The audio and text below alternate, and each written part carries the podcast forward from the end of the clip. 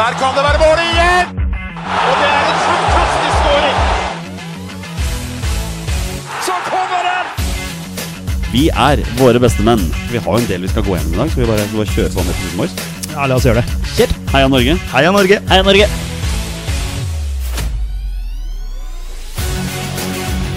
Takk, Ole Gunnar Solskjær!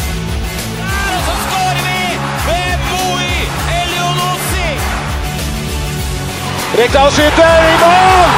Og Norge leder 1-0! Så kommer den! Det er Tariq Elunussi som har sist på den! Martin Ødegaard! Hjertelig velkommen til alle våre følgere og lyttere der ute til det som er tidenes aller første episode 214 av Våre beste menns podkast om norsk landslagsfotball. Mitt navn det er Jonny Normann Olsen, og med meg her i studio i dag har jeg hverdagsretten fra Bogerud, Petter Hermansen. Heisan, heisan, Olsen. Og steppen inn for eh, Rabagassen fra Raufoss, som dessverre ikke er i dag. Fra NFFs lokaler har vi en Våre beste menn-patriot, kan vi si. Han har vært med før, og nå er han med igjen for første gang på lenge. Det er Håkon Grøtland. Velkommen, Håkon. Tusen takk. Og god kveld, kan vi si sånn. Ja, god kveld. Sola Ja. skinner fortsatt, men uh, ja, Ja, nå er det vår, Ja, er det, ja. kan man si sånn. Hvordan går det med Håkon Grøtland for tida? veldig bra. Det er, det er jo Det har vært noen rare år. Men Ja. nå, nå er det liksom, nå begynner det å bli trøkk igjen, og det er mye aktivitet. Og det merker jeg da, for det er, det er mye jobb for tida. Ja, det er det, ja. liksom, alt skal skje på en gang, så det er, uh, det er gøy. Jeg har en, Min neste spørsmål er da er om det er travle dager på kontorene på Ullevål stadion, og det kan du bekrefte? Veldig travle dager, er det, men uh, det vi liker. Og så er det jo Det er litt sånn med den jobben jeg har, da. Jeg har egentlig aldri tenkt at det er en jobb. Altså Det er, liksom, det er bare blitt en del av meg. Så det er sånn uh, fantastisk. Det er en livsstil, kan vi si sånn? Ja, fotball er en del av meg. Å Ja. jobbe med fotball og brenne for øh, Ja, det er to ting. At flest mulig skal bli glad i sporten, og så er det å få fram øh, enere. da Du har drømmejobben. Helt nydelig. Ikke sant? Du, eh, Håkon, vi skal snakke om eh, Vi skal snakke om pandemi i dag. Og vi skal snakke om norsk landslagsfotball. Men før vi kommer så langt, så må vi prate litt grann med en annen eh, Våre beste menn-favoritt her. Og det er jo din, eh, din tidligere kollega Pål Arne Paco Ja, Johansen. Han var jo gjest her noen ganger. Da jobbet han sammen med deg. Nå har han ditcha NFF til fordel for jobb i, for jobb i Odd. Eh, Hva er dine tanker om dette sviket? jeg kaller det hva du vil. Så det er jo det er gøy at er, man øh, leverer varene i NFF og kommer seg i og for seg ut til større oppgaver. Eh, det er tap for NFF. For jo, jeg tror vi skal liksom erstatte han, så trenger vi tre stillinger. For det er en vanvittig kapasitet. Én ting er det han gjorde som trener, men uh, et vanvittig faghue og bidro i fagutvikling i NFF som uh, Ja, jeg vil aldri opplevd maken. Uh, og så er det jo Ja, nei, det, det, der, det der blir bra, rett og slett. Ja. eh, for han. Og så kan det komme tilbake igjen da senere. Ja, Hvis han flopper i Odd, eh, tenker du? ja, det tror jeg ikke han gjør. Hadde jeg vært leder i, hvilke, altså, hadde jeg vært leder i en klubb og kunne valgt å ansatt én trener, så hadde jeg ansatt han. Altså. Ikke sant? Men, men eh, du selv, Håkon, har jo erfaring som eh, klubbtrener sjøl. Ja. I la oss kalle det for relativt ung alder. Du Ja. blei jo årets unge trener i Norge i gud veit når var dette her, da? Jeg er tilbake i 2007. Da, vel, altså. ja, så da, da var jeg sikker på at det var det jeg skulle ende opp som. Og så eh, topptrener. Det var det jeg ville, og det var det jeg trodde jeg skulle bli. Og så er jeg liksom, jeg skammer meg litt når jeg ser tilbake, for at alt jeg ikke visste. Altså Du, du tror jo når du er i slutten av 20-åra at du veit alt. Mm. Og du får en sånn uh, tøffhet uh, via det, da. Men eh, når jeg ser tilbake nå, så var det, det var en lang vei å gå. Altså. Ikke sant? Og, og du var jo hovedtrener for en sånn paraplyklubb som vi kaller det for, i Oslo øst, som også blei Manglerud Star. Og Petter, du kan vi kalle det, du har jo vært Oslo øst-supporter? Kan vi si sånn? Ja, absolutt. Har du det? Ja, absolutt. Jeg var jo en av jeg håper å si, grunnleggerne av Moseberget, som var Ja. Oslo øst supporterklubb. Eh, Så vi var tett på. Eh, Jeg må innrømme at jeg ikke huska Håkon Grøtland fra Oslo øst-tiden. Jeg husker liksom Ståle Andersen og Midtsian og de trenerne som har vært innom der. Men eh, jeg var nok, ikke, var nok ikke så tett på trenerstaben, men eh, tett på spillerne. Det var en veldig kul, kul periode. mm. Hvor man Ja, jeg har jo fortsatt Uh, håper å si vennskap den dag i dag fra spille, altså spillerne i Oslo øst. Så det var litt sånn en, ku, en klubb som man kom veldig tett på. Ja, ja. Så det var veldig gøy. Ja, det, det var jo interessante tider. Rundt i hvert fall Oslo-fotballen. Absolutt. De skulle jo ta liksom steg og samarbeide med Manchester United og, og sånne ting. Og så bare Ja, så sprakk den bobla til slutt, da. Det er han som den gjorde. Ja, det. Um, Håkon og vi Jeg teksta jo litt med deg i går som forberedelse til denne episoden, og da sendte du meg et bilde. Um, det bildet har jeg da lagt ut på, Twitter, på vår Twitter-konto i forbindelse med dagens episode, så alle lyttere som hører på nå, dere kan vippe opp mobiltelefonen og finne fram Twitter-kontoen vår, kan dere se dette bildet. For dette bildet, Håkon, det hadde du lyst til å snakke litt om i dag. Det er jo et fantastisk kult bilde. Altså, jeg har to bilder på veggen hjemme. Det er uh, ungene mine, og så er det det bildet der. Ja. Og, det, og det summerer opp i og for seg uh, alt jeg står for, og alt jeg prøver å jobbe for i det daglige. Uh, for det har tatt julaften 1990, for jeg sitter med, med fattern. Uh, og for det første, det sitter en gutt der som elsker fotball. Uh, og det er to grunner til at han gjør. Uh, først og fremst er det jo fattern, og han var jo treneren min. Så det var jo liksom de daglige opplevelsene på feltet med han. Eh, Men så er det noe bak på veggen der som jeg syns ja, som, som symboliserer en del. Altså Du ser en del plakater der. Ja.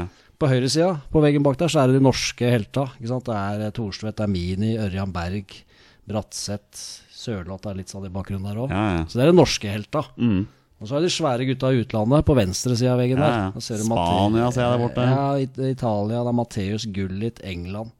Ja, Men det var liksom to vidt forskjellige verdener. Det var de norske gutta, som var gode norske spillere, og så var det de svære der ute. Uh, og så ser du at jeg har fått et eh, Jeg faktisk fikk et håndkle i julegave som jeg har gjort om til duk der. ja det, det, det ser fett ut. Fantastisk. Ja, det er bra. Og det er et håndkle som viser liksom eh, de ulike verdensmestere og hvem som har vært arrangørland. Da har vi akkurat eh, Italia arrangert VM i 1990. Tyskland vant. Og så er det et svært flagg i bånn der, som da skal symbolisere at neste VM er jo i 1994 i USA. Av alle steder så var det i USA, liksom. Og så, ser jeg, så er det et Kamerun-flagg over huet på fattern der. Yes, ser det. Så jeg, altså, To måneder tidligere så har jeg da vært på første kampen til Drillo uh, med fattern. Eh, Norge vinner da 6-1. Og så begynner det å skje noe etter det. Da Ikke sant? Da begynner de gutta på høyresida av veggen der å begynne å, å ta rotta på de på venstre. Ikke sant? Én etter én. De tar England, de tar Nederland, de tar Italia. Og så kvaler vi til det VM-sluttspillet mm. i 1994, som var helt surrealistisk og helt utenkelig å tenke på når jeg sitter der i 1990. Ja, ja. Men poenget mitt er at eh, blant, altså, eh, det mener jeg, blant mine lykkeligste barndomsøyeblikk er jo når disse norske gutta tok rotta på de der ute. Og det er Ingen skal komme og si til meg at fotball ikke er viktig. Altså, for det er altså, de der stolte øyeblikka, hvordan det forener folk, og de der lykkelige øyeblikka når Norge vinner.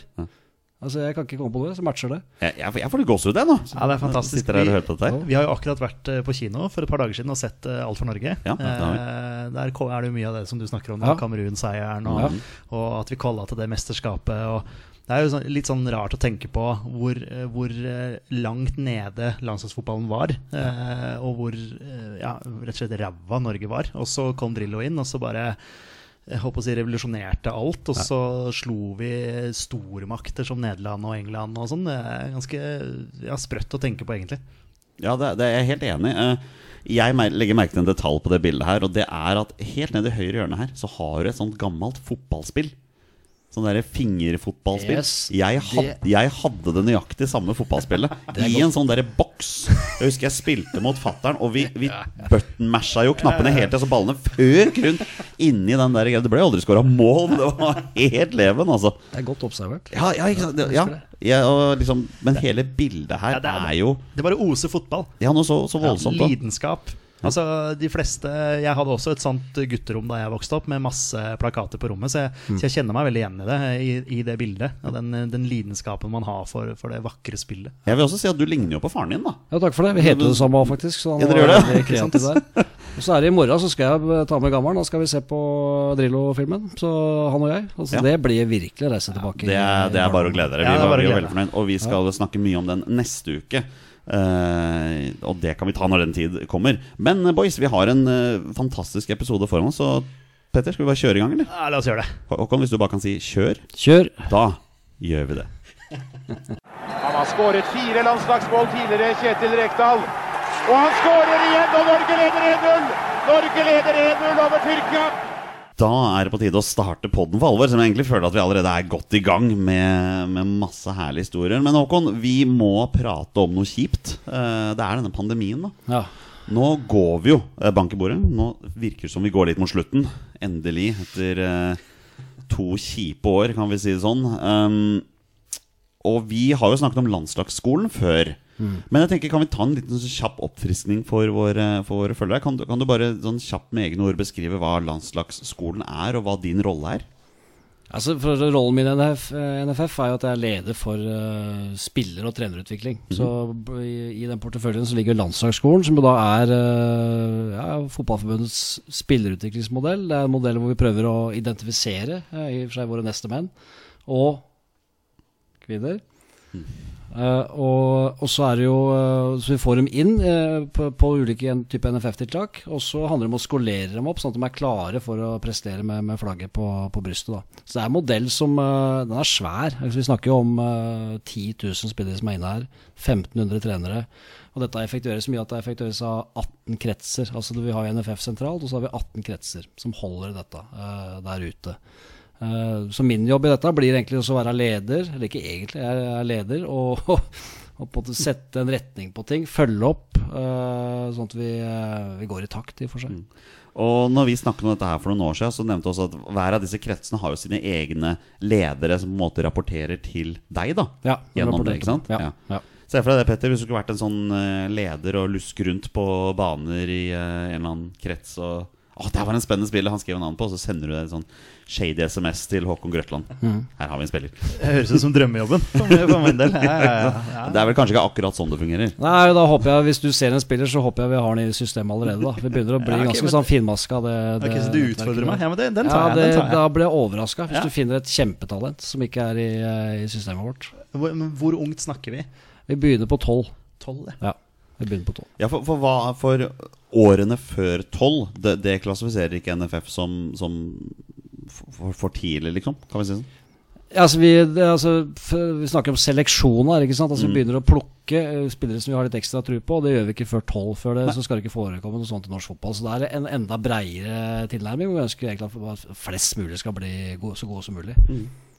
Men hva, hva, hvis, men hva hvis det er eh, si, kravstore foreldre, engasjerte klubbledere der ute som har noen eh, de mener er råtalenter i sånn 9-10-årsalderen? Hva, Ja. hva gjør dere da? Ja, det er flott. det Da får de bare trene på uh, i klubb og uh, på, på egen hånd, holdt jeg på å si. Så, så kommer de tidsnok inn. Ikke sant? Ja. Vi, ja, vi får bare begynne mimringen vår, da. Jeg tenkte vi skulle hoppe et par år tilbake i tid her, til 2019. Da satt jo vi rundt et bord på et kontor på Ullevål stadion, Håkon, og prata varmt om landslagsfotballen. Ja. Eh, Det var like før U20-landslaget skulle spille VM i Polen. Og klart, selv om det ble exit i gruppespillet, så var det en eh, purung Erling Braut Haaland som noterte seg for ni mål i samme kamp. Ja. Det var også et år hvor både U19-gutta og jentene spilte EM. Um, Uh, når vi snakket med deg i 2019, så virket det for alvor som norsk U-landslagsfotball omsider var på vei opp da, etter mange år i en kan vi kalle det for en bølgedal. Veldig. Så vi hadde en uh, ordentlig utvikling der. Og det, vi kvala til mesterskap. Vi gjorde det bra. uh, og, og den utviklinga ser vi fra fortsatt nå, når vi, når vi nå har kommet sånn litt sånn tilbake i normal uh, gjenge. Uh, vi har masse bra unge spillere, og landslagene våre kan slå hvem som helst på en, uh, på en god dag. Så um, skal ikke jeg uh, liksom forskuttere for mye sånn i framtida, men jeg, altså, jeg kan ikke fatte og begripe annet enn at uh, det, det blir masse stolte øyeblikk i, i framtida. Nå har vi et A-landslag som vi har og begynner å lukte fugl av, og så er det kommer det masse bra unante. Masse bra. Og Uefa, Vi fikk en pris av Uefa som Fases climber. Altså Norge er den nasjonen som har klatra mest på rankinga de siste åra. Uh, så det sier litt, da. Så er det jo veldig fascinerende. Nå, fant jeg fram troppen til U- altså U20-landslaget vårt i VM i 2019, og her er det noen navn. Altså, vi har jo nevnt Erling Haaland, men Håkon Evjen var med i den troppen. Jens Petter Hauge har spilt landslagsfotball. Christian Thorstvedt er jo fast inventar. Eh, Leo Skiri Østegård har vel, om- vi kan vel kalle det endelig, begynt å, spille, begynt å dukke opp på A-landslaget her. Eh, og så er det jo andre, andre spennende spillere også. Hugo Vetlesen, Emil Bohinen, som nå plutselig spiller fast i Serie A. Ikke? Det, det er jo Ja. Det, er noen, det er noen bra spillere her, altså. Absolutt. Det som er så gøy med jobben min, er de, de navnene du drar opp der. altså Privilegiet mitt er at jeg får jo møte disse allerede når de er eh, ja, 13-14 år. Og ser dem allerede der. Så det er jo sånn uh, uh, Og det er mulig vi kommer tilbake til det etterpå, altså sånn med tanke på hvem greier vi å se hvem som blir best til slutt. Mm. Uh, og det mener jeg det- er både ja og nei på. Vi kan kanskje komme tilbake til det, for det er, det er, det er en viktig sak der. Sånn eh, Jeg så et av Jeg, jeg har uh, smugkikka litt på de spørsmåla som kom eh, meldt inn. Ja, ja, Så ja. da så jeg det var noe rundt det der eh, Er det viktig med yngre landslag, liksom? ja vi, vi, vi kommer inn på det, vet du. Ja. Uh, jeg må bare si Jeg synes det er absurd å se på den troppen her og se at Ola Brynildsen står oppført som Stabæk-supporter. Nei, Stabæk-spiller. Ja, sikkert Jeg- fortsatt supporter, men Jeg ja. føler jo at han har spilt i Molde i sånn ti år, jeg, egentlig.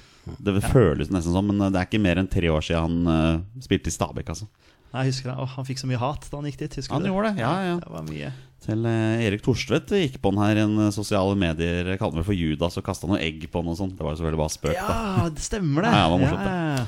Men Håkon, um, idet vi passerte nyttår 2020, så begynte jo verden å bli mer og mer oppmerksomme på dette koronaviruset som begynte å spre seg over verden. Kan, kan du huske når det begynte å hviskes i gangene på Ullevål om koronaviruset? Jeg husker det var et par uker der hvor det var liksom fram og tilbake og usikkerhet rundt kan vi gjennomføre det og det. Vi drev og planla en talentleir som vi skal ha der i, i mars. Vi hadde akkurat tatt ut troppa, uh, var klare for den. Og så ble det sånn skal vi tørre dette her liksom nå, for nå, nå skjer et eller annet. Uh, vi begynte å uh, ha kontakt med kommunelege osv. Men så kom det på et eller annet tidspunkt der hvor liksom bare Dette er ikke mulig å gjennomføre. Det blei plutselig sånn der Ballen begynte å rulle i forhold til at det ene etter den andre, både her og der, avlyste ting. Så jeg blei egentlig bare å hive seg på. Og så å stenge, kutte, avlyse. Ja, ja. Det blei jo en sånn greie i hele det norske samfunnet. Husker jo det, Petter. Du og jeg vi jobber jo i barnehage begge to. Og for oss så var det liksom sånn Den dagen hele Norge stengte, så stengte jo alle barnehageskoler. Det ble jo sånn lyn fra klar himmel at nå, nå stenger Norge ned, altså. Husker du dette her? Ja, jeg var vel i pappaperm, eh, hvis ikke jeg husker helt feil. Så det var litt sånn, eh, litt sånn spesielt. Eh, jeg hadde begynt på sånn eh, Litt sånn eh, babysang og litt sånn forskjellige ting. Og så bare nei, så ble det ikke noe mer av det, de tingene der, fordi eh, ja, alt stengte jo ned. Ja. Så ja, surrealistisk. Men la oss bare håpe nå da at, at, det, er, at det er stopp. Men ja, man Ja. blir vel litt skeptisk. Får vente høsten igjen, så får vi se. Du har, du har koronakids. Jeg har to koronakids, si sånn, ja. ja, ja, ja. De kommer til å vokse opp lykkelig uvitende om hva de faktisk har vært eh, med på. Ja, det blir vel en del av eh, pensum i skolen etter hvert, tror du Ja, ikke det. Ja, det det, det, det skal du ikke se bort fra. Uh, men ja, midten av mars. Norge stenger ned. Hvordan, eh, hvordan reagerte NFF på dette her? Blei det, ble det permisjoner? Altså, Hvordan blei det innad? Jeg husker vi hadde et allmøte hvor alle i hele NFF eh, var samla. Pål Bjerketvedt, eh, Gensek eh, sa noen ord og ba oss komme oss hjem. Ja. Eh, Så ble vi sittende der og lure noen uh, dager, og så begynte jo det permitteringsgreiene. Og Masse uro og støy, og det ble internt òg, så var det jo litt sånn eh, Ja, det var panikk også i forhold til økonomi og hva, hva framtida kom til å bringe. Så det ble liksom å permittere litt flere enn det man Altså for, for sikkerhets skyld. Men da blei det litt sånn der skuling og litt sånn der hvorfor er han permittert og ikke jeg, osv. Så, videre, og så, videre. så det var liksom noen tøffe uker der. Sånn eh, i hvert fall når du er leder. Og så følge opp uh, folka dine. Så, så gikk det noen uker, og så blei det dratt opp igjen, så man kunne begynne sakte, men sikkert å jobbe. Men da ble jo Og da blei det liksom også sånne rare greier, for da skulle vi begynne å lage Husker jeg ble satt til å lede en gjeng som skulle lage koronaregler. Fotballens koronaregler. Og det var sånn Ah, eh, du var med på det, ja? ja, jeg fikk gleden av å liksom, eh, styre litt av det. da Og da da hadde jeg aldri trodd Hadde du bare nevnt det for meg noen uker tidligere, at vi skulle liksom ha de diskusjonene der om eh, For det første, er det lov i det hele tatt å spille fotball? Mm, mm. Eh, det var greie. Og så Nei, vi, kan, vi kan sparke litt ball til hverandre hvis vi holder avstand, ikke sant. Og så blir det jo og så blir det noe sånn derre Ja, er det lov å ta ball med henda? Nei, det kan det jo ikke være. Men, ja, okay, men hva hvis du skyter ballen ut i buskaset med henteballen? Kan du, har du lov til å ta ballen med hendene da? Nei, det kan du ikke. Det stemmer, det. Dette husker jeg faktisk. Og så kommer det sjuke, og det blir jo sånn Ja, men keepera, da? Ja. Jeg, det er aldri trodd jeg skulle sitte med keepersjefen i NFF og diskutere om keepera kan ta ball med henda. Og da kom han og jeg mente at nei, det kan han ikke. Så mente han jo, han bruker jo hansker. Så da må de kunne ta med, ta med henda. Og så er Men ikke sant, å sitte og diskutere dette og mene noe om og så, Det husker jeg at ja, han bruker hansker. Men altså dette viruset kan jo sprute fra ballen og i ansiktet på keeperen. han tar Altså, det, Men hva hvis keeperen tok antibac i hanskene? altså, hvordan eh, alle, alle keepere spytter jo i hanska. Det gjør jo det. Det, det lovte han keeper seg, og det skulle du slutte med. Så lenge Ja, han fikk lov til å ta ballen med henda. Er jo absolutt Vi kan sitte her nå to år, to år, eh, to år etterpå og faktisk le av det. Men, men det var jo altså, Tenk, tenk på deg sjøl. Du, du lever og ånder for fotballen. Ja. Og så i løpet av bare sånn et knipp så skulle du hjem til Konnerud Ja. og bli der. Ja, det var, Og det var begynne med. Teams-møter og alt det gjorde vi i barnehager. Og jeg ser for meg NFF-lokalene med Teams-møter og masse greier der. Ja, det var forferdelig. Så, det, er, eh, nei, så det er gått litt i sånne Ikke etapper. Ikke? Det var det der korona å lage regler på det først. Og så etter hvert så måtte vi begynne å lage Vi blei jo lei etter hvert av å stå sånn to og to og slå innsidepasninger, så vi må jo komme i gang med litt grann som ligner på å spille fotball. Og da husker jeg vi lagde noen egne øvelser og, og sånn, og så introduserte prinsippet skyggeforsvar. Det vil si at eh, ok, vi skal ha litt sånn spille med og mot-aktiviteter, men det skal være skyggeforsvar. Du har liksom ikke lov til å gå oppi. Det skal være skyggeforsvar, holde en meter. Herregud. Og det er paradokset, for da snakka vi året før om at nå må vi, må vi steppe opp litt på forsvarsbiten i norsk fotball. Vi er nødt til å komme tettere på, være mer aggressive. Og så skal plutselig NFF stå og proklamere skyggeforsvar. Så det var eh, Du, du, du nevnte dette her eh, før vi begynte her, da med, med eller det vi hadde begynt, faktisk. Så nevnte du det med de 18 kretsene, som Ja. dere liksom alltid forholder dere til. Hvordan var, hvordan var eh, informasjon-samarbeid med kretsene da, når dette er stengt ned? For jeg regner med at alt stengte jo ned, så var det, var det mye mas fra de om hvordan ting skulle forholde seg. Så var det bare kaos. Det var fryktelig mye mas, usikkerhet. eh, Ja, kaos var det vel, men det var veldig tett og god dialog. Fra, og jeg, jeg synes vi det, det har vi konkludert med at vi egentlig har samla oss gjennom pandemien. Så har NFF, både sentralt og kretsa eh, altså Nå står vi sterkere og er mer samla, mer lag. Gjennom at det ble for det første veldig hyppige treffpunkter og Teams-møter, faktisk. og alt det der. Så vi fikk samla laget på et eller annet vis. Og kommet sånn noenlunde godt ut av det som organisasjon. Det har vi. Så, så la oss hoppe over 20, 2020. Altså La det være. 2021 Det begynner jo å, å begynne å spille fotball igjen. Altså Eliteserien spilte jo i 2020, men det var begrensa med tilskuere. Obos-ligaen spilte Altså Andredivisjon spilte jo halv sesong. Tredjedivisjon fikk jo ikke starta engang.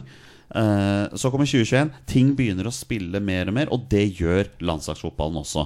Hvor, hvor, hvor deilig er det egentlig for en som jobber så tett på landslagsfotball som du gjør, liksom komme til 2021 og tenke at nå kan vi i hvert fall begynne å spille kamper? Nei, Det var, var helt nydelig. Og jeg tenkte altså først og fremst på ungdommen vår, da, som kan få lov til å drive med det de elsker så mest. Så det, så det er liksom Én ting er vi som jobber med dette, men altså ungdom som altså, begynte å gå nesten to år. Det, er, det er lenge, altså, et uh, ungt menneskes liv. Du ikke kan holde på med det du elsker så mest. Uh, og det er drømmer og ambisjoner. Så det var at vi, at vi kom i gang der, var, var godt. Og så selvfølgelig også for de som var potensielle landslagsspillere også, da. Ja. At det begynte å komme samlinger og kamper og alt mulig greier, sånn som man har savna. Nå fikk man jo gjort en del fornuftig i klubben sin, ikke sant? men det er det der Det er ganske altså det er uvurderlig eh, for en eh, spiller som med talent og ambisjoner at du får de der referansene og får matcha deg internasjonalt. Altså det, er, eh, det er uvurderlig. Petter, du, du er jo like engasjert fotballsupporter som meg. I landslagsåret 2020 blei jo hjemmekamper på La Manga, holdt jeg på å si, eller Malaga var det jo. Og et kaosår uten, uten like. Det var jo det var jo ikke noe gøy for oss heller. Nei, det var ikke det. Eh, Jeg husker da vi fikk kjøpt billetter til den Nederland-kampen. Norge-Nederland.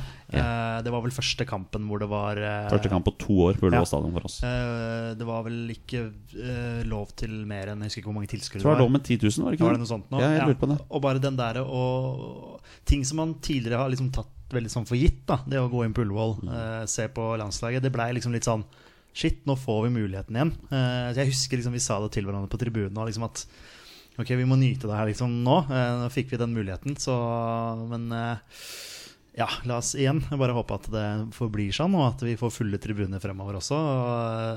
For det har det jo blitt på Ullevål de siste, siste landskampene. Så, men ja, det var en spesiell følelse å liksom endelig få lov til å dra på Ullevål igjen. Når, når du nevner det med tilskuere Jeg husker også det fra klubbfotballen i Norge, hvor liksom NFF kommer med disse her restriksjonene sine for hvor mange tilskuere som kunne være på kampene. Men det var jo likt for alle lag. Så det var liksom Rosenborg hadde de samme, hadde de samme restriksjonene som det Skeid hadde i Obos-ligaen. Altså, vi spilte jo egentlig på Nordre Åsen for ganske kurante tilskuertall for det som var vant for oss. Da, mens f.eks. Vålerenga på Intility hadde 600 tilskuere. Du, du var vel på en av disse kampene, du? Ja, du, tra, du trakk deg vel ut i lotteriet? Var det, ikke, var det ikke noe sånn 50 tilskuere i begynnelsen? Ja, kanskje det Det var var, det. Ja. var veldig lite. Jeg husker jeg var på første hjemmekampen det året mot Stabæk. Ja. Da ble jeg trukket ut, og så fikk jeg med meg Strømsgodsekampen. Eh, Så ja, det var sånn trekning, ja. Ja, og da måtte dere ha sånn fem seter mellom hver og Ja, det, var- ja, det var helt merkelig, det hele greia. Ja, og, du, og du ler nå, Håkon, men, men det var realiteten, altså. Det er, det er, det er ingenting å le av. Det var jo det var grusomt. Jo, jo, men Så, det er som jeg nevnte før, nå kan vi le litt av det. Hvordan det faktisk er. Og nå kan vi jo begynne å se litt fram. Og det er liksom Det er min neste spørsmål her. Da. Er det, jeg har egentlig skrevet 'Når begynte dere å se et lys i enden av tunnelen?' Men vi kan vel heller si at Nå begynner dere å se et lys. Ja, for faktum at Vi så jo flere lys i tunneler på den perioden, og så plutselig så, så smalt det igjen. Ikke sant? Ikke så, sant? så det, det var jo det som ble tungt etter hvert. Eh, det jeg er veldig fornøyd med eh, gjennom de to åra, at vi satte oss ned etter hvert, et ganske svært team, og så jobba ut et helt nytt planverk for norsk fotball. Da. Så for det blir liksom, sånn, hva skal vi gjøre? Det er ikke noe aktivitet, eh, det er ikke noen landskamper. Hva skal vi bruke tida på? Så vi fikk brukt tida ordentlig godt og samle landslagstrenere, en del folk i kretsa. Og så, må vi, er at nå må vi se på det planverket vi har, har da, som styrer alt vi driver med. Og så brøsja vi opp det og rulla ut et uh, helt nytt planverk. Som er, og det er viktig med tanke på det vi driver med, at det er en rød tråd, at ting henger sammen, og at det er styring på det. Så, så vi fikk gjort en, en viktig jobb. Husker jo det veldig godt for oss som jobber i barnehage også. Og du, det her med alle de svingningene. At plutselig så er det et utbrudd, og så er vi på gult nivå, og jeg er på rødt nivå. Vi sitter jo og ser disse her pressekonferansene fra regjeringen med argusøyne. Var det sånn i NFF også? Samlet folk seg på et kontor og så disse pressekonferansene live? Fordi man visste ikke helt hva som kom? Ja, Da fikk vi ikke lov til å samle oss på noe kontor, da, så Nei, vi satt godt- hjemme, poeng, satt hjemme på hver vår tue og fulgte, ja, vi fulgte med Ja. i spenning. Hva kommer nå? Så det ja, Og mye skuffelser.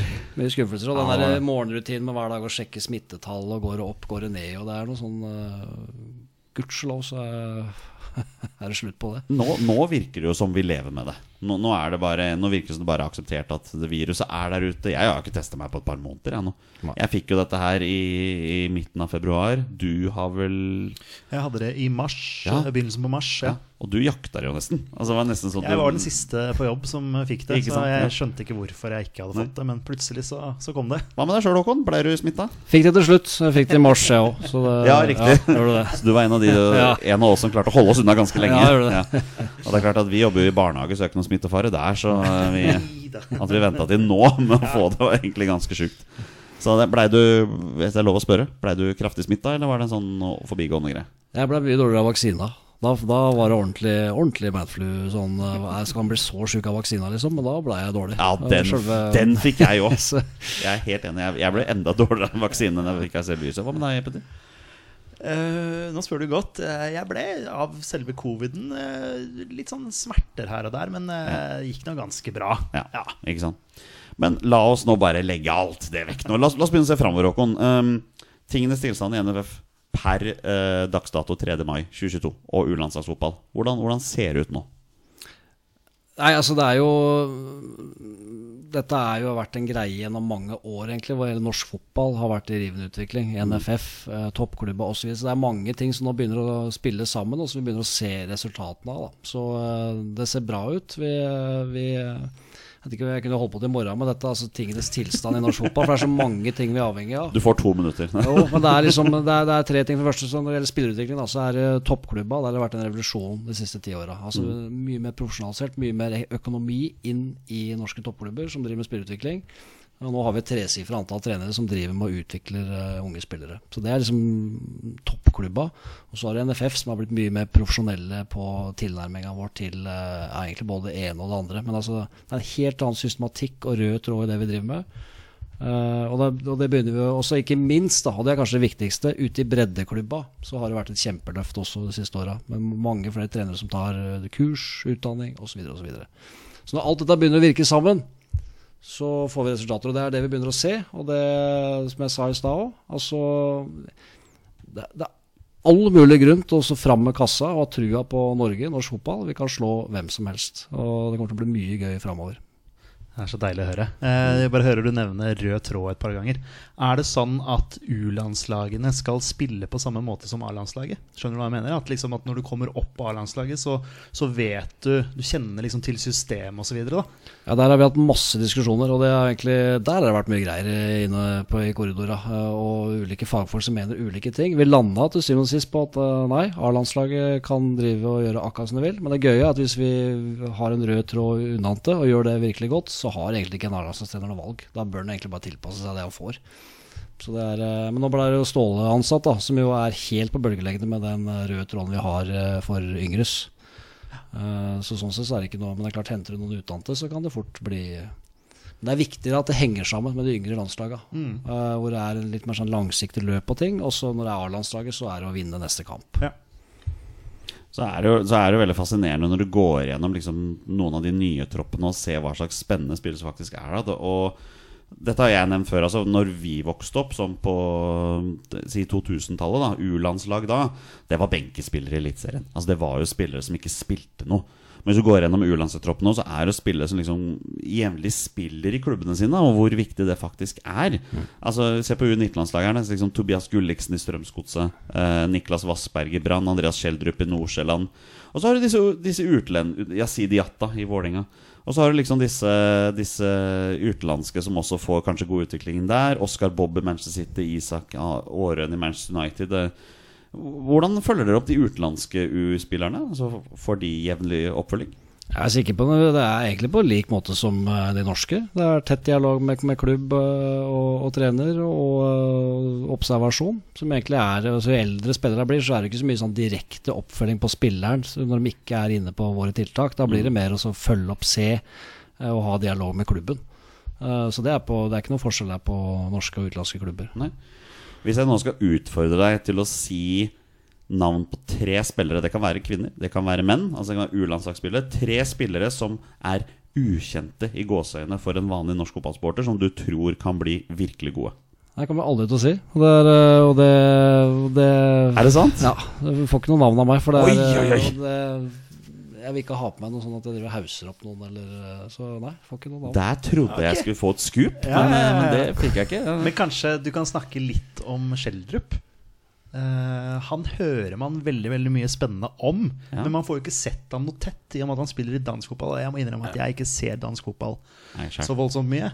Nei, men det er jo liksom det- litt sånn ut av det blå. Så han, han Ja, Det gikk jo rykter for noen år siden. Det det er to nordlendinger som, liksom, som var veldig veldig spennende. Det var Isak Aurøen, og så var det Skjeldrup. Uh, som har noe sånn uh, Ja, det er noe smart altså, Men det er det. Det er noe med touch, blikk. Det er så å ta av press i trange rom. Altså det er eh, Det er fotballspiller, rett og slett. Er eh, Han blir A-landslagsspiller, det er det du sier. Det skal jeg ikke si. jeg, har, jeg har lært litt gjennom disse åra i NFF. Jeg har fått på pokkeren før for at jeg har hauset opp noen spillere. Okay, Men en, en, en spiller som, eh, som er spennende, i hvert fall. da Det er det ikke noe tvil om. Absolutt. Og det er goal! Det er 2-0 for Norge!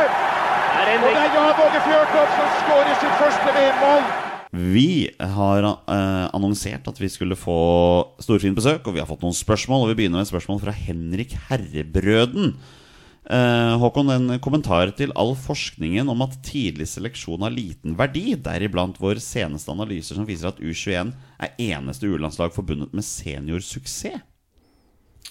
Ja, det var en voldsom Ja, det var et avansert spørsmål.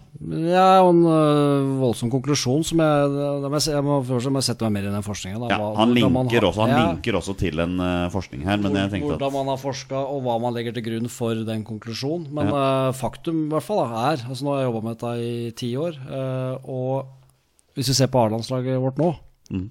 øh, s- Så å si alle de spillerne der er inne på, tidlig på U-landslag på 15- eller 16-årsalderen. Da har du en Sander Berge, en Ayer, en Braut Haaland, en Ødegaard. De er jo inne på G15-landslaget. Så det må jo ha noe å si. Så jeg skjønner ikke, jeg skjønner ikke helt uh, altså hvordan man kan være så bastant, da, men, uh, men uh, det er sikkert bra det som er gjort, så jeg, jeg må lese meg opp. Ja, men det, det må tydeligvis vi også. Men som sagt, jeg står på felten, og da, det, min erfaring tilsier noe helt annet, så det er jo interessant. Da stoler vi på erfaringen. Gjør vi ikke det, Petter? Jo, vi stoler på Håkon. Eh, Torstein Bjørgo hadde jo ikke muligheten til å være med oss i dag, eh, men han har stilt et spørsmål, og han lurer på Har eh, Terje Liverød mottatt invitasjon om å ta en kaffe sammen med NFF sine kontorer. Yes, yes, ja. Blei de enige til slutt? Terje Live, der kommer det mye rart. Og, og han, øh, han, han skyter fra hofta og i, i ny og ne på litt sånn tynt grunnlag, men jeg liker Liverød. Altså det er, Ja. For han, han trøkker på litt, og det, det blir litt energi ut av det. Så øh, Litt sånn strake pucker og litt sånn usakligheter i ny og ne, det er greit. Eller sånn Christian Gauseth. ja. Han har ikke invitert, men øh, det hadde vært interessant å tatt en, øh, tatt en kaffe med den Ikke sant? Uh, Olai Årdal eh, lurer på hva vi skal si om Smerud, som eh, vraka Sivert Mannsverk fra forrige U21-tropp. Eh, ikke levert det vi forventa, sa han da. Uh, ja, Sivert Mannsverk, et av våre største talenter. Avgjør cupfinalen med det jeg har lest, er hans første straffe noensinne på seniornivå. Så ja, kan du si noe om dette her, Håkon? Nei, men det blir alltid sånn. Men, men, altså at, eh, men Smerud er jo for første Smerud er en veldig veldig flink fotballtrener. Han er Ja. kun interessert i én ting, og det er å vinne neste fotballkamp. Og hvis han hadde ment at mannsverk eh, han trengte han for å vinne den kampen, og at, så hadde han jo tatt den ut. Mm. Så, så kan det være feil og så videre, og det er små Det er liksom eh, Det er ikke svart-hvitt, dette her. Men Nei. hadde den vært god nok i Smeruds øyne akkurat der, da, så hadde den selvfølgelig blitt tatt ut. Og da, Men det var den ikke. Kan jo hende han blir tatt ut neste gang, da. Ja, altså Det er jo ikke noe tvil om at han er en eh, veldig god og veldig spennende fotballspiller. Eh, så har vi jo mange gode og spennende fotballspillere, så det er, det er jo ikke plass til alle. Men eh, så vil det jo alltid være sånn Jeg ville jo, vil jo kritisert Smerud eh, med Osame Sarawi f.eks. Han har jo vært litt ute og ikke sant, vi ikke spilt så mye som det jeg, jeg som supporter mener han fortjener. Sant? Så det, men, men, men jeg er ikke landslagstrener, så det er ikke Olai Årdal heller. Nei, og, og det kan vi jo trekke helt opp til A-landslaget òg. Altså, vi har jo vært litt kritiske til at f.eks. Kristoffer Ayer ikke virker å være bankers i første elveren til Norge.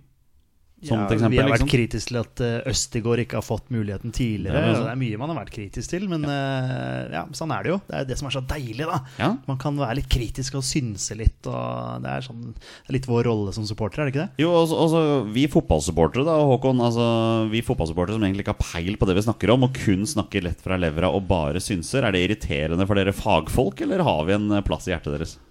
Altså Jeg er en fotballsupporter sjøl. Jeg Ja. jo stad med altså, Så det er absolutt ikke irriterende. Det er det som gjør dette så fint. At, Ja. eh, at folk bryr seg. Og Det er jo en gave å holde på med noe som folk bryr seg om. Eh, Og så er det ikke alltid man har eh, all innsikt og veit ikke helt hva man ikke veit, kanskje. Det er litt der òg. Men, eh, men det er og engasjement og meninger. Det er bare, det er bare bra, det. Hva er det vi har sagt om podkasten vår før? En podkast av fotballsupportere for de som gidder å høre på? Ja, vi er definitivt eh, supportere. Og, og, og sånn, ikke noe, vi har ikke noen eksperttitler her, så alt eh, Det er ikke alt vi sier som har eh, Som står like sterkt kanskje hos alle, men, men sånn er det. Og vi er ikke, vi er ikke sofaeksperter heller, for vi sitter rundt et kjøkkenbord. Så er vi i så fall kjøkkenbordeksperter. Yes. Ja. Uh, speaking of eksperter, Skjalg Sæter lurer på hva som er Grøttis sitt beste minne fra tida som keepertrener i Oslo øst. Og her har vi en uh, klubb de gikk gjeter om skulle bli god, og så rant den ut i sanden. Ja, Beste minne fra tida som keepertrener, Håkon. Ja, altså det var jo Altså Jeg kom i Oslo øst var det liksom publag, så jeg vet ikke om alt der eh, kan uh, dras her sånn på eteren. Men uh, at det var en f- flott tid. Og først, altså Jeg kom inn i Oslo øst som keepertrener. Skjalg var jo der, og det mm, Jeg mener vi, vi ja, Apropos det, jeg husker den. Altså, vi, vi fikk ikke lov til å barbere oss, husker jeg, før vi hadde holdt nullen. Ja. Og det skjegget ble langt til slutt. Uffa. Hvem var det som sto for Oslo øst? Espen Isaksen og sånn, var det ikke det? Ja, det var Nei, var det han var senere? året før. Da, oh, ja. Vi måtte jo bygge på nytt, så da var det en som het Strako Spehar som var første Ja. Spehar! Ja, Oi, oi, oi! Det er, altså, det er legendarisk Han var navn. god. Han var god. Um, Skjalg har også et oppfølgingsspørsmål her, og det er om virkelig en av de store legendene i, i, uh, i hvert fall Oslo-fotballen, lokalt. Det er hvor god kunne Nikolai Nikki Hagen blitt? Ja, og da er det egentlig det, det kjedelige svaret at han blei så god som han kunne ha blitt. Altså det er, Ja, ok. eh, det, men det er så mange av dem, og ja, han var et fant... Altså jeg også hadde Han der ble god. Han ble god, for han var fantastisk. Men så stopper det av ulike årsaker, da. Og det er, dette er komplekst. Det er mye som skal klaffe for at du skal liksom eh, dra deg helt opp. Så det, og én ting er taktiske, tekniske, fysiske ting, men så er det mentale ting. Det er flaks, uflaks osv. Så, videre, og så, videre. så han var veldig, veldig god. Eh, men det, det stoppa på et tidspunkt. da. Jeg fant den faktisk her, på, på fotball.no. Han, står- han står boført med kamper i Oddsen-ligaen, altså gamle andredivisjon for Eller var det tredje? Nei, det var andredivisjon i 2014 for Koffa. Han spilte faktisk for KFUM en periode. Men det er jo 2014, så det er åtte år siden. Ja. En av de store legendene i Oslo-fotballen der, altså. Ja, Faktisk. Ja. Um, to spørsmål til. Jørn Henland har et interessant spørsmål. Burde andre lagene til Eliteserie og Obos-klubbene spille i egne ligaer, eller fortsette som nå i divisjonssystemet? Og Det er jo en diskusjon som, får, som blusses opp hvert år. Hva tenker du, Håkon? Det spørs hvem du spør. for jeg husker når jeg trente Andersens lag sjøl, så var det ingenting som irriterte meg mer enn de der andre laga. Så visste aldri hva de stilte med. Og det, ikke sant? Også, men når vi ser det fra spillerutviklingsperspektiv, så tenker jeg at det er veldig bra. Altså at eh, gutta får matching eh, på bra seniornivå, hvor det er litt konkurranse og trøkk. Jeg er litt redd for hvis vi hadde tatt det ut i en egen sånn reserveliga, så hadde det ikke blitt den der samme ja, konkurransen, rett og slett. Ja. Som er viktig i et sånt utviklingsperspektiv. Men jeg tror vel altså det som fotballsupportere reagerer på, er nettopp det du sier. da At det er så forskjellige lag fra gang til gang. Hadde Ja. andre lagene vært en fast tropp, så hadde ikke folk reagert på det. Eh, og det er klart, Vålerenga 2 er jo et eksempel på et lag som mange har revet seg litt i håret over gjennom årene. Eh, Selv mitt eget Skeid 2 i tredjedivisjon har jo vært litt opp og ned der også. Uh, nå er det jo bare to andre lag i andredivisjon, men uh, det virker som det er et par på vei opp i, de andre, i tredjedivisjon også. Skal ikke se bort fra at det er noen som dukker opp Nei, jeg, nei, jeg så, så Vålerenga-laget mot Alta her, f.eks. Vålerenga 2. Sant? Altså, Alta fikk jo juling eh, av ganske mange ja, spillere som har eliteserieerfaring. Ja. Så, så jeg, jeg skjønner jo det der at det er irriterende. Ja, for i kampen etter så dro Vålerenga 2 til Hødd og stilte rent juniorlag og tapte tapte tre- 5 3-0. 3-0 eller hva det var. ja. Og den frustrasjonen Yes. skjønner jeg jo. Ja, ja, ja. Helt enig. Så, men det er klart at eh, for, for disse klubbene det gjelder, så er det jo, det er jo de reglene de er satt opp til, og de må jo tenke på sine beste, sine beste interests. da Ja, jeg vet at Vålerenga er veldig glad for at de har et andrelag i andredivisjon. Ja, ja. Nettopp pga. det at de får den gode matchinga. da Men hvis du skulle synsa litt, Håkon, hva hvis det hadde blitt en egen liga for, for eh, andre lag? Hadde det vært en god nok utviklingsarena for talentene våre? Eh, Nei, for da tror jeg du, du mister det der som er essensielt hvis du skal ta siste steget, og det er å, å prestere på altså i, eh, når det er litt trøkk og det er noe som står på spill. Eh, Og det, det er noe helt annet som står på spill når du spiller sånne typer kamper. Når det er sagt, så tror jeg kanskje det er enda flere spillere som hadde godt av å spille på A-lag på det nivået der. I, i, på nivå altså annen divisjon, tredje divisjon, kontra spilt på et annet lag. Så det er en annen greie igjen. Eh, for det også blir noe annet å spille på et A-lag i annen divisjon kontra å spille på et uh, B-lag.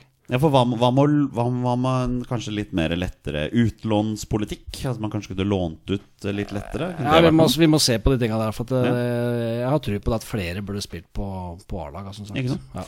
uh, Vi avslutter med spørsmål fra Stenjek. Um, ja da, om bare én måned spilles fire viktige landskamper. Tanker, mulighetene, grove trekk. Tida begynner å lende fra seg, her, så vi skal jo snakke om dette her i podkaster som kommer framover. Men kan vi ikke heller bare stille spørsmål om hvor mye gleder du deg til landskampene?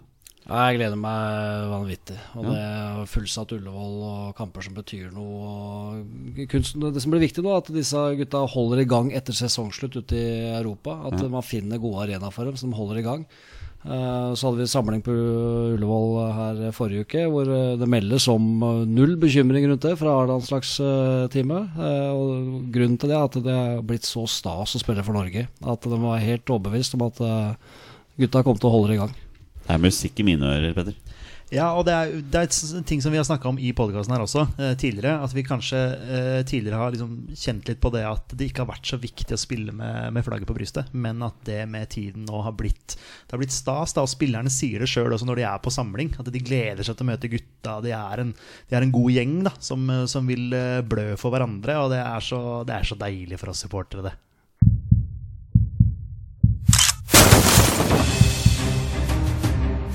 Er han nåværende landslagsspiller? Er han utenlandsproff? Er han fortsatt aktiv? Er han back? Har han spilt for Rosenborg?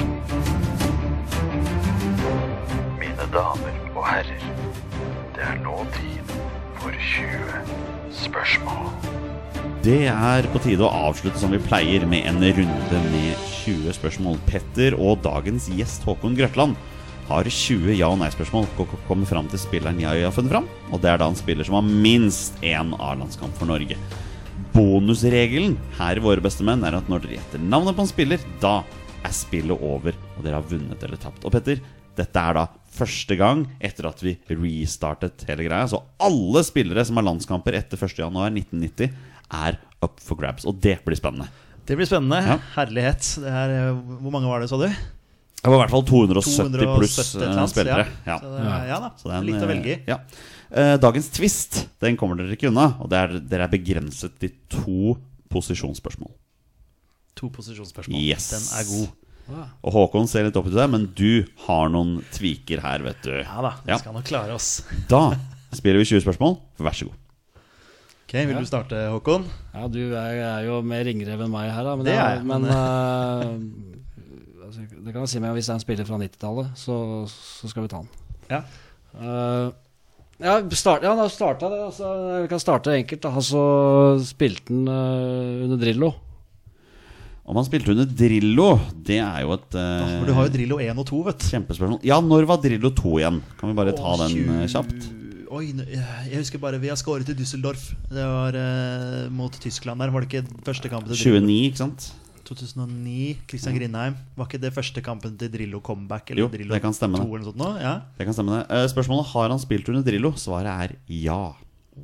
Ja, men du, du, men uh, en ting er hva han svarer, men jeg vet ikke om det er innafor sånn regelmessig. Men altså, det, er jo noe med å lese litt spill her. Ja, du- det er du- opp til du, deg, du, da. du dro lenge på det nå, så det er ikke opplagt at det, dette var 90-tallet. Det er opp til deg å tolke. tatt den med en gang. Det er opp til deg å tolke, Håkon. Det er faktisk ja.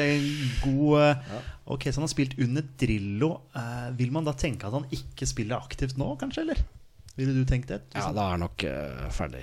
Ja, Kan jo spørre om det, selvfølgelig, bare for at eh, Er han fortsatt aktiv, Jonny? Nei. Er det. Nei, det var egentlig det vi konkluderte med. Ja. Uh, ok. Så han kan ha spilt under Drillo i 2009, da. Ja, det er nok siste perioden til Drillo. Sånn Ja. som jeg, I og med sånn, sånn, sånn som du tenker at hadde det vært i første perioden, så hadde han svart ja på det ganske kjapt. Mm. Det er det du tenker? ja, Ja, okay. jeg tror det. Hvor skal vi gå hen da? Hva tenker du? Vet du hva jeg tenker? Jeg tenker at dere skal faktisk få tre posisjonsspørsmål i dag. Jeg skal være litt grei. Dere får tre posisjonsspørsmål. Ok, Ja. ok, ok. Jeg ser, men Har han, øh, har han vært med i noe mesterskap for Norge? Nei. Nei. Nei, da er det jo enda da er, mer det- er å tenke bankers. 2009-tida Så da er- da er det- der, da. Så det er etter 2000 i hvert fall. Ja. Opplagt. Det er jo interessant selvfølgelig om man har hatt noe karriere i utlandet. Eh, selvfølgelig Posisjon er jo også spennende. Jeg sender den litt over til deg, Håkon, siden du er gjest. Ja, men det er liksom sånn altså, Jeg kan gjerne stille spørsmål, jeg, altså, men uh, har spilt i en av de Altså Du snakker topp fem-ligaene ute i Europa, da? Topp fem Det er jo faktisk Torstein sitt spørsmål. Han pleier å bruke det. Så det, du tar jo rollen her, Håkon. Jeg liker det. ja, nå må du, nå, Er i Torsteins ånd. Eh, ok. Uh, har han flest kamper for en nåværende eliteserieklubb? Um, nei. Oi, ok. Oi da. Han kan jo for så vidt ha flest kamper for en klubb her hjemme i Norge. Men ikke nåværende eliteserieklubb? Men i og med at han dro litt på den, så kan jo det være en klubb som nylig har rykka ned. Det kan være. Eh, nå skal ikke jeg tolke altfor mye, men eh, det kan jo tenkes. Ha, har han flest kamper for en eh, klubb i Norge? Ja. Ja, okay. Eh, spiller den klubben i Obos-ligaen? Ja. Ok, ja, da må vi få opp Da må vi innom Obos her. Skal vi gå på noe region? Eh, om vi skal gå til Vestlandet, eller bare huske alle Obos-klubbene? Ja, det var det, da. Og dere har, dere har ikke begynt på posisjoner heller. Nei, jeg tenker at nå er vi på en eh, Nå nærmer vi oss en klubb. Så jeg tenker at vi kan, vi kan gå den veien der, da. Uh, den klubben han har flest uh, kamper for, uh, Jonny, holder den klubben til på Vestlandet? Nei. Nei. Jeg får litt sånn feeling at det kan være noe Nei, er det noe sånn Kristiansand eller Ja, du har jo Start der. Stabæk. Jeg har feelinga på start. ass. Du har feeling på Start, ja? Skal til det glade, blide Sørland. Eh, ja. Jeg går rett på jeg tar, Er det startkutt? Nei. Det er det ikke. Nei. Men han kan fortsatt ha flest kamper for Start, da. Selv om han ikke er startgutt.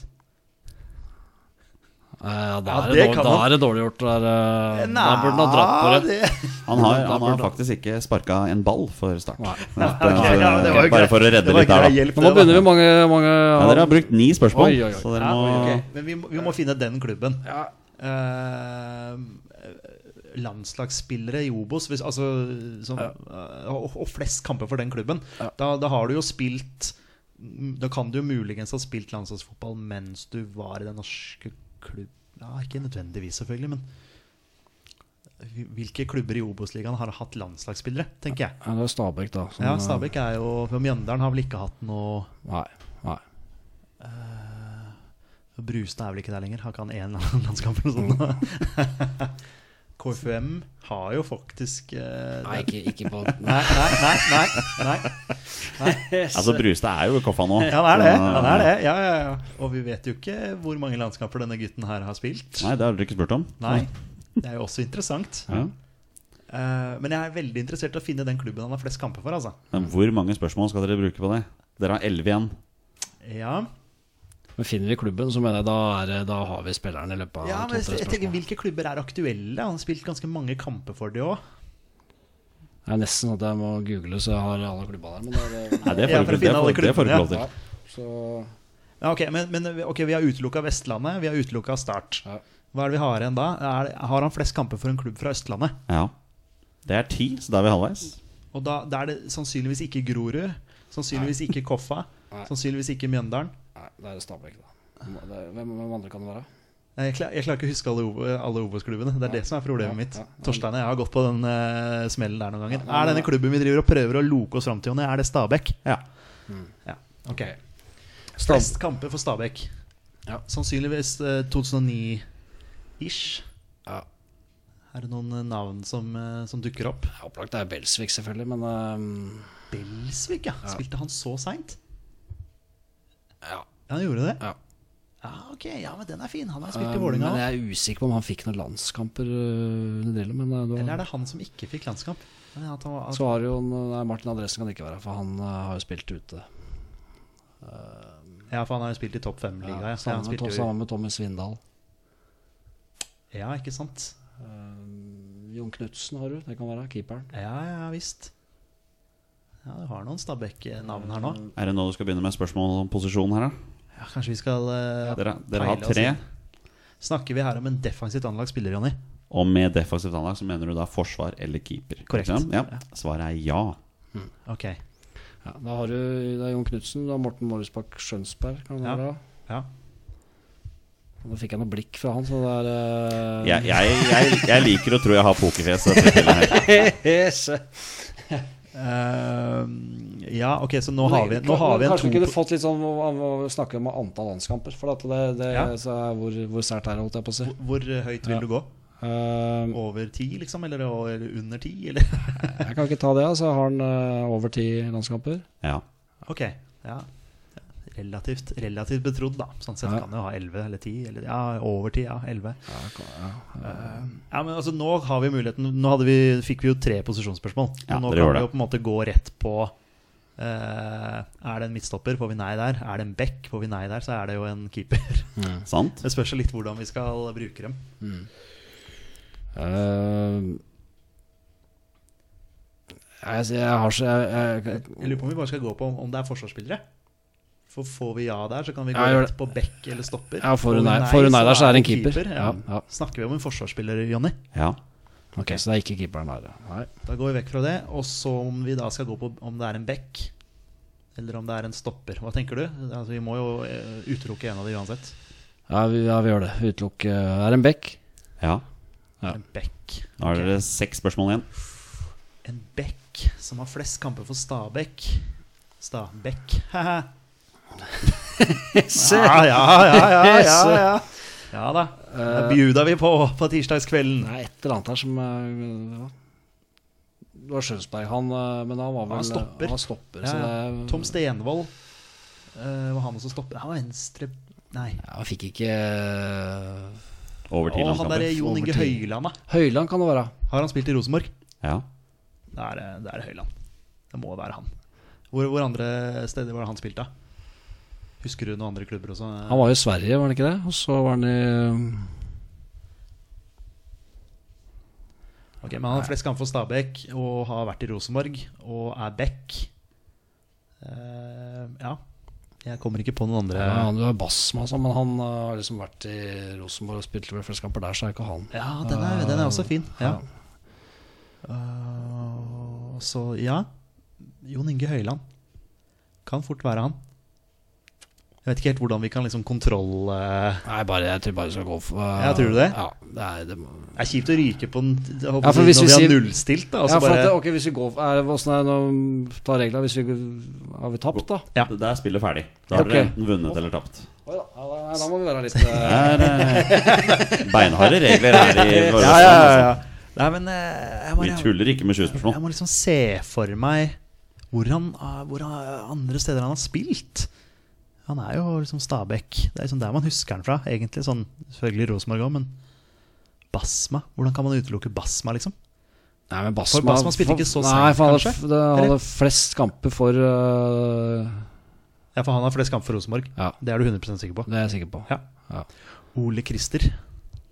Ole Christer Basma. Jon Inge Høyland, jeg ser han for meg drakt nummer to. Løp opp og ned på høyrebekken der. Ja. Jeg kommer ikke på noen andre bekker altså, fra Stabæk. Nei, og så kommer er, kommer eh, ikke på noen andre klubber han spilte for heller. Husker du hvor Bassman spilte en annet enn Rosenborg og Stabæk? da? Sånn at vi kan utelukke han, fordi jeg hang meg opp i han, jeg nå.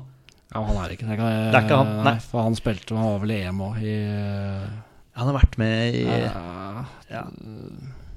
Men si at dette her er 2009, 2010 osv. med Jon Inge Høiland. Da spilte kanskje ikke Basma lenger. Og i hvert fall ikke landslagsaktuell, kanskje. Nei, nei, nei. Nei, nei. Nei, men skal vi bare prøve oss, da? Ja, vi gjør det. Okay. Vi kjører på. Vil du, vil du ta æren, holdt jeg på å si? Det er Jon Inge Høiland. Er det spørsmålet? Ja, det er svaret. Ja, det er spørsmålet. Ja, om det, er, om det er Jon Inge Høiland. Ja, det er det vi lurer på. Gutter? Det er Jon Inge Høiland. Fantastisk. Nå ble det- Nå ble det stille ut bordet her. Du, du dro litt lang, lenge på den der, så jeg ble sånn øh. Ja, det er riktig. Jon Inge Høiland. Uh, Fåberg-gutten eh, Jon Inge Høiland eh, spilte ungdomskarrieren der, men han begynte, på, begynte faktisk i Bryne. Ja. Mellom 95 og 96 så var det et par sesonger i Kongsvinger, men så var det denne Sverige-karrieren hans. da Tre år i IFK Göteborg, fire år i Malmö. Og så dro han hjem til Stabæk i 2007. Ja, nettopp. Der var han i tre år. Så var han to år i Rosenborg, for han avsluttet karrieren med et år i Stabæk. der. Kan han ha vært kaptein for Stabæk da de vant gull? Det veit du bedre Og at enn han meg. men løfta At han, var, at han løfta noe pokal? Jeg- han, han, Eller han, kanskje ikke? han var i Stabæk når de vant serien, i hvert Ja, fall. ja, ja. Det ser jeg. Jeg ser for meg at de feirer gullet der. Ja. Ja. Jeg ser, jeg ser også for det at eh, når Janne Jønsson tok over Rosenborg, så ble Jon Inge Høiland hans første signering. Nettopp. Der også. Ja. Hvor mange landskamper fikk Jon Inge Høiland? Oi. Hvis dere sier hvert deres tall, skal vi se hvem som er nærmest. 17. 17? Ja, jeg skulle si 15, så det er vi ikke så langt unna hverandre. Du sier 15? Det er faktisk 25. Ah, Han fikk gullklokka. Fikk klokka. Skåra et mål i år nå. Det så du og jeg. Ja! Sør-Afrika i en uh, treningskamp, tror jeg det var. Da skåra han. Ok. Kan det stemme? Var ikke det Kjetil Wæler som skårte, da? Eller var var det mot Finland, var det. Ja, det var en treningskamp mot Ja. Finland. Der har vi det. Ja. I 2009 vunnet, uh, vunnet Tippeligaen, som det da het, med Stabæk. eh, og altså vunnet Allsvenskan med Malmö en gang. All right, mine herrer. Jon Inge Høiland, det var riktig. Deilig. Fantastisk. Og med det er det på tide å avslutte dagens episode. Håkon Grøtland, dette har vært en fornøyelse. Tusen takk for at du tok turen. Eh, la oss håpe det ikke går tre år, og at du får en pandemi til neste gang du, du stikker innom her. Kommer når som helst. Ikke sant? Det er, det er nydelig. Det er nydelig. Hatt det bra? Storkos meg. Vi har snakka litt Oslo øst også, så det er jo kjempegøy. Altså, hvem hadde trodd det, liksom? At du skulle innom Oslo øst i dag? Nei, det, det var gøy. Vi er våre bestemenn. Heia Norge. Heia Norge. Heia Norge. Og hei!